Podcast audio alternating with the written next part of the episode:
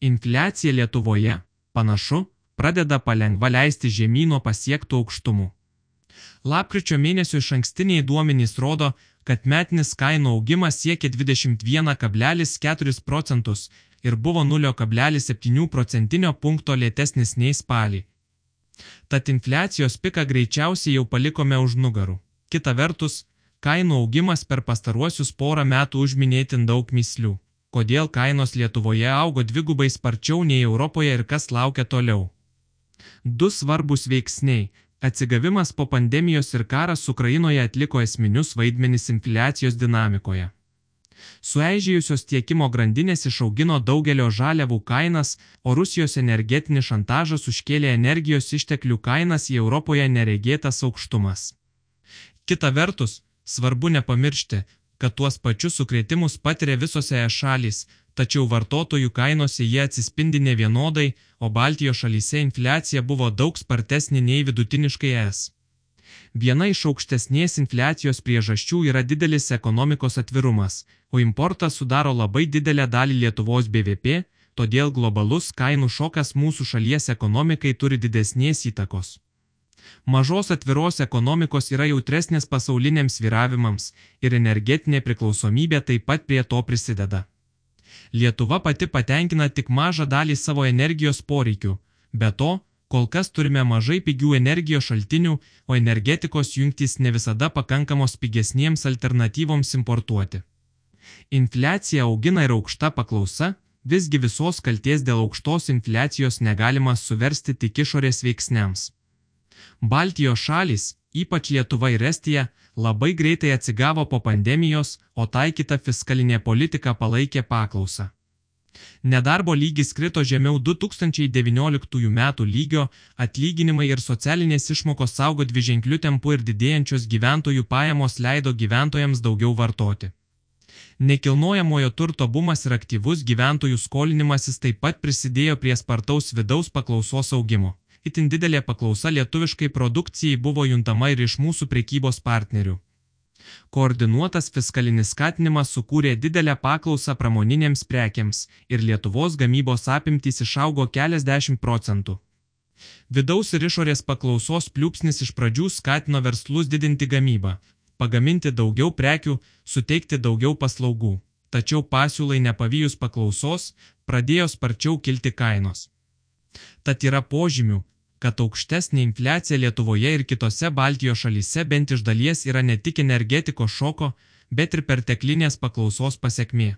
Augančios sąnaudos nepaaiškina viso kainų augimo.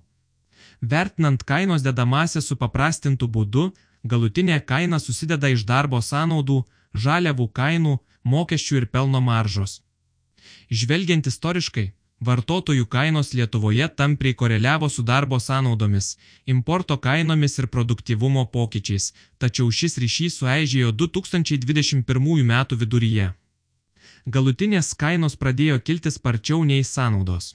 Darbo sąnaudų didėjimas ir importo brangimas praėjusių metų viduryje nepaėgė paaiškinti apie trečdalio infliacijos dalies. Galima daryti prielaidą, kad perteklinė paklausa ir bendra žaliavų brangimas pasaulinėse rinkose sudarė verslams sąlygas kainas didinti daugiau ir saugoti ar net padidinti gaunamas pelno maržas. Fiksuojame, kad aukšta infliacija jau neigiamai paveikė gyventojų perkamąją galę ir mažmeninė priekyba krenta jau keletą mėnesių išėlė. Išblėsus pertekliniai paklausai ir energetikos kainų šokui, sąlygų toliau didinti maržas nebebus, Todėl vartotojų kainų pokyčiai ilgainiui turėtų grįžti arčiau fundamentų. Ar padės griežta pinigų politika? Europos centrinis bankas pakilo į kovą su infliacija didindamas palūkanas, tačiau pasiekti reikšmingos pergalės jam vargu, ar pavyks. Teoriškai aukštesnės palūkanos turėtų atvėsinti gyventojų ir verslų norą skolintis bei investuoti taip sumažinant paklausą. Be to, aukštesnės palūkanos turėtų sustiprinti euro kursą ir sumažinti turto kainas, o nuostolių patyrę investuotojai turėtų mažiau išlaidauti. Tačiau praktikoje pinigų politika realią ekonomiką veikia labai netiesiogiai ir su itin ilgu vėlavimu. Be to, Lietuvos ekonomika nelabai jautri palūkanų pokyčiams. Privataus sektoriaus įsiskolinimas Lietuvoje yra daug mažesnis nei vakarų Europoje, todėl aukštesnės palūkanos netaip stipriai veikia gyventojų finansus, kaip, pavyzdžiui, Švedijoje ar Niderlanduose. Aukštesnės palūkanos ilgesnių laikotarpių atvesins būsto rinką Lietuvoje, tačiau infliacijai tai turės nedaug įtakos. Infliacijos pabaigos pradžia. Geroji žinia yra ta, kad infliacija pradeda išsisemti pati. Įtampa tiekimo grandinėse atslūgo, nukrito transportavimo kainos, daugelio žaliavų kainos rinkose normalizavosi. Prekių kainoms daugiau didėti nebėra erdvės ir egzistuoja galimybė, kad kitų metų pabaigoje net matysime nedidelę prekių defliaciją. Europoje išliekant dideliam neapibrieštumui dėl energetikos, tikėtini dideli dujų kainų sviravimai, tačiau duomenys rodo, kad jų vartojimas krenta reaguojant į aukštas kainas. Be to, pakankamai greitai vystoma suskystintų dujų infrastruktūra, kuri leis apsirūpinti dujomis ne iš Rusijos. Todėl aukšto energetikos kainų efektas kitais metais turėtų išblėsti. Infliacijai po truputį pradėjus leisti žemyn, kelias normalizacijos link gali būti duobėtas dėl neapibrieštumo energetikos sektoriuje.